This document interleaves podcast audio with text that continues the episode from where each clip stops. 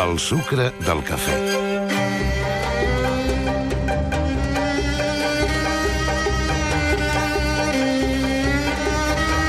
Temps era temps va començar a entrar a les cases el telèfon, un invent que acabaria modificant usos i costums, afavoriria relacions amoroses i tractes comercials, uniria famílies i traslladaria notícies de morts i naixements. Això a les ciutats, perquè en molts pobles l'única possibilitat de fer-lo servir era anant a la casa on hi havia una centraleta. Buscant la intimitat, els telèfons van començar a tenir germans dins d'una mateixa casa, els supletoris en dèiem, i s'instal·laven a les habitacions per tenir, en teoria, més comoditat i, en realitat, moltes vegades, més intimitat. Les converses confidencials es traslladaven a les alcoves.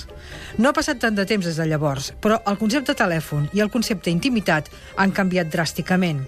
El telèfon ja no és un aparell enganxat a una paret o posat en una taula amb una extensió en forma de muntera per parlar i escoltar. I la intimitat ha perdut pistonada i misteri amb les xarxes socials i les noves maneres de comunicar-se, que ja no comencen a ser tan noves, per cert. Ara del telèfon ja no se'n diu telèfon, se'n diu mòbil, i parlar és el que menys fem amb ell.